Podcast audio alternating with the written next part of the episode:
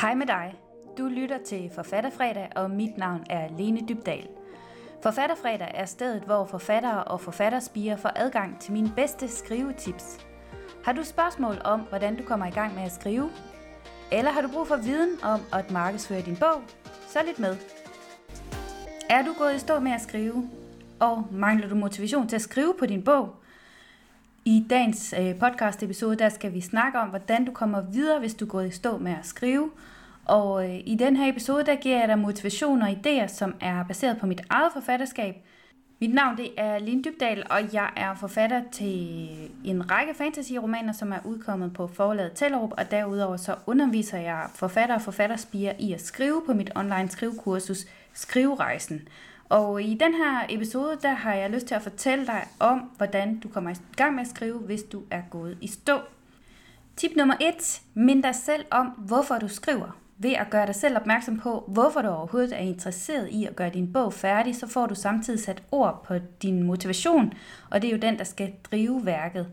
Og hvis du ikke har en ægte motivation for at skrive, så finder du ud af det ved at spørge dig selv om, hvorfor er det, du skriver. Og når jeg spørger mine kursister, hvorfor skriver I, så er nogen, de svarer, det er fordi, jeg ikke kan lade være, eller fordi jeg synes, det er hyggeligt og sjovt. Og nogle, de, de fortæller, at de har en historie indeni, som de brænder for, at andre skal lære at kende, fordi de synes, at de har noget på hjerte. Så det er en, et rigtig godt udgangspunkt at spørge dig selv, hvorfor er det, du skriver? Hvorfor er det, du har lyst til at få den her bog færdig? For andre så kan det også være, at man simpelthen drømmer om at stå med den trygte bog færdig i hånden og kan bladre i den og sige, den her har jeg skrevet. Måske drømmer man om at finde sin bog øh, på hylden hos boghandleren eller på biblioteket. Der er mange forskellige drivkræfter på spil her, men ved at du bliver opmærksom på, hvorfor det er, du skriver, så kan du komme tættere på at genfinde din motivation. Tip nummer to. Mind dig selv om, hvad grundideen med din bog var. Din grundidé, det er den idé, der satte hele tanken om den her nye bog i gang. Hvorfor var det nu, at du besluttede dig for, at du ville gå i gang med den her bog? Prøv at tænke tilbage på den dag, hvor du fik ideen til din bog. Det er den der dag, vi skal have fat i her, og den idé, som du fik den dag. Der er nemlig masser af kraft og saft i den oprindelige idé, som du kan bruge, hvis du er gået i stå med at skrive på din roman. Og øh, det får du helt sikkert brug for i det næste tip. Men hvis du er sådan lidt i tvivl om, hvordan finder jeg den der øh, tilbage til den der grundidé, så prøv at sådan reflektere over, jamen, hvad er egentlig meningen med den her historie? Hvem er det måske, der skal læse den? Øhm, har du været inspireret af en rejse, du har været på, eller nogle bøger, du selv har læst? Prøv at finde tilbage til det, som ligesom satte det hele i gang. Måske var det en fed action scene, du kunne se for dig. Prøv at notere ned, hvad det er for en, en grundidé, som du har haft til at starte med, da du begyndte at skrive den her bog. Tip nummer 3. Skriv den scene, du glæder dig til at skrive. Og øh, der kan være flere forskellige meninger om det tip. Nogle de sætter sig ned, og så skriver de bogen fra start til slut i måske kronologisk rækkefølge, eller i hvert fald sådan, som de har planlagt det i deres øh, plotplanlægning for eksempel. Men det kan godt ske, at du måske ikke engang har øh, planlagt et plot endnu, og bare har nogle løse idéer til, hvad din bog skal handle om, og måske står der en scene særligt klart for dig, og øh, det kan være motiverende at få den skrevet, så du kan se, jamen jeg kan faktisk godt formidle det, jeg har indeni. Så derfor så er mit øh, tredje tip her, at du skriver netop den scene, som du glæder dig til at skrive. Skriv scenen helt ud og dyrk de fede detaljer, som din fantasi fodrer dig med. Det skal nok give en hel masse motivation til at komme videre med historien. Tip nummer 4. Spørg dig selv, hvad var det, der førte op til den her scene? Så nu begynder vi simpelthen at arbejde med det materiale, vi har. Du har fået skrevet en fed scene, og for at nu at få lidt mere kød på, så spørg dig selv, hvad fører det op til, at den her scene udspiller sig? Fordi så har du nemlig noget kød til det, der skal komme forud for netop den her scene. På den her måde, så arbejder du dig baglæns i dit manuskript, og det kan give nye tanker og idéer. Fordi hvis du nu er i stand til at skrive den scene, som førte op til din yndlingsscene, så har du lidt mere på papir, og igen, det her med at få nogle ord på papir, det er virkelig motiverende. Men nogle gange, så kan man slet ikke øh, sætte sig til at skrive sådan en scene, fordi man er måske helt øh, stresset op over det her med, at jeg skal have nogle ord ud på papiret, og jeg synes, at jeg er helt tom for idéer. Og så er mit femte tip, gør noget aktivt med din krop. Du skal væk fra computeren, ud i naturen, dyrke noget sport eller tage et bad, fordi de her kropslige stimulanser, de sætter også gang i tankerne og kan give dig både noget velvære og nye idéer til at komme videre med din bog. Så øh, du kender det måske, at du nogle gange får en god idé, når du er ved at lave noget helt andet, end at sidde foran computeren. For mit eget vedkommende, så får jeg tit en god idé, når jeg synger i kor, og det er jo ikke særlig praktisk, at man lige pludselig bliver fuldstændig vildt kreativ, imens man skal koncentrere sig om at synge. Så mange af mine nodeark, de har simpelthen øh, papirskript, eller hvad hedder det, blyantsnotater på bagsiden, så jeg kan huske det, når jeg kommer hjem. Men grund til, at der opstår kreative idéer, når man er i gang med noget andet, det er, at i den situation, der er jeg måske lidt mere afslappet og mindre stresset. Og når man er afslappet og mindre stresset, så kan hjernen bedre arbejde med alle de gode idéer, vi har. Så tip nummer 5 var at gøre noget aktivt med din krop, simpelthen få øh, kroppen og hjernen hen på noget andet. Mit sjette tip, det hedder skriv i hånden. De fleste forfattere, de skriver på computer, men hvis du er gået stå med at skrive, så kan det være en hjælp at bryde den her vane. Du kan vælge at bruge helt almindelig notesblok og papir, og så kan du eventuelt printe det ud, som du allerede har skrevet. Så hvis du har skrevet øh, for eksempel kapitel 1, og nu kan du ikke komme videre, så skriv det sidste kapitel ud, og så brug det stykke papir til at komme videre derfra, men bare i hånden. Læs, hvad du sidst har skrevet, og skriv lidt til med kuglepen i maven eller ned på din notesblok. En anden mulighed, det er den, jeg selv bruger. Jeg bruger et øh, værktøj, som hedder en Remarkable. Remarkable 2 hedder den faktisk. Og det er lidt ligesom en tablet eller en iPad, hvor man kan skrive i hånden med en pen.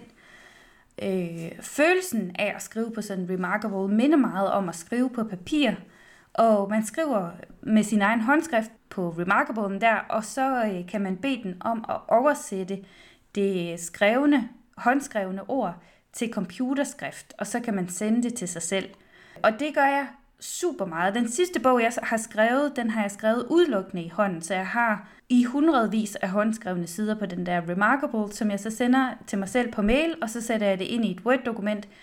Og det, der også er fordelen ved det, udover at det giver mig helt utrolig meget øh, mere fokus at sidde med øh, min Remarkable og skrive i hånden, så er fordelen også, at når jeg så skal have sat de her tekststykker ind i mit officielle bogdokument, jamen så har jeg allerede været igennem en lille redigeringsrunde, fordi Remarkable den er rigtig, rigtig god til at oversætte min kravtager og håndskrift til computerskrift, men der sker selvfølgelig nogle fejl, hvor den tolker noget forkert, og derfor så skal jeg jo have rettet det igennem, men det betyder faktisk, at jeg kommer igennem en redigerings runde, imens jeg så øh, får sat min tekst fra Remarkable ind i mit Word-dokument. Så det har den ekstra bonus, at man faktisk får tilrettet sin tekst i samme ombæring.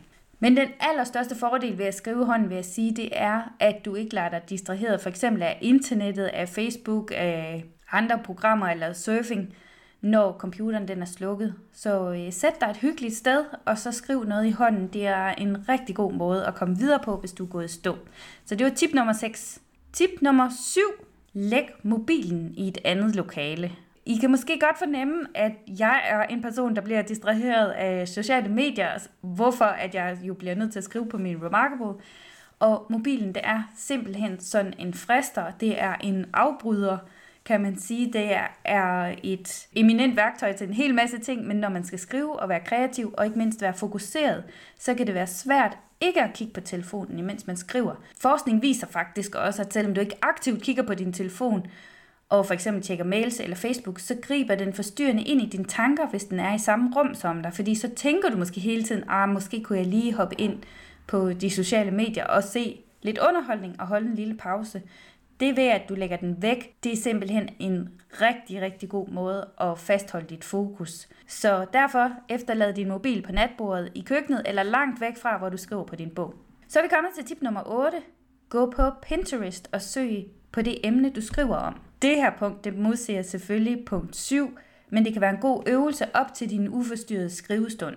Så noter emnet for det, du skal skrive om i dag, at finde ud af, hvad det hedder på engelsk. Og grund til, at jeg foreslår, at du også finder ud af, hvad det hedder på engelsk, det er, at Pinterest har mange flere resultater, hvis man søger på engelsk. Så søg efter billeder af dette plus termen illustrations på Pinterest, og så bliver din skærm fyldt med de billeder, der kan hjælpe dig.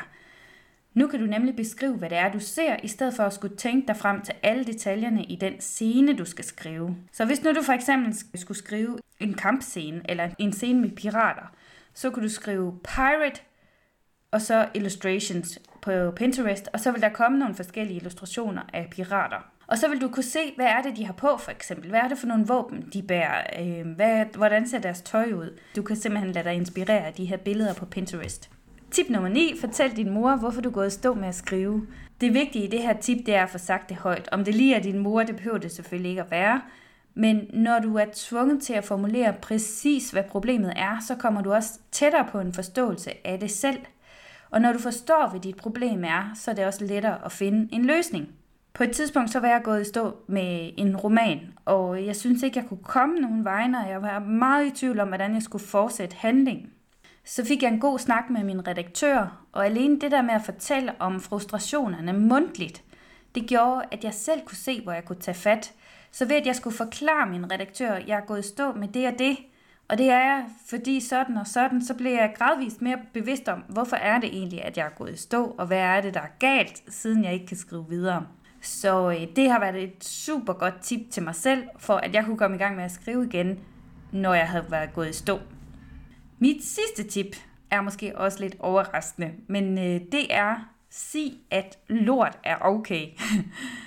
det betyder simpelthen, at du kan sige til dig selv, at det er okay at skrive noget lort eller noget dårligt, så længe at du skriver.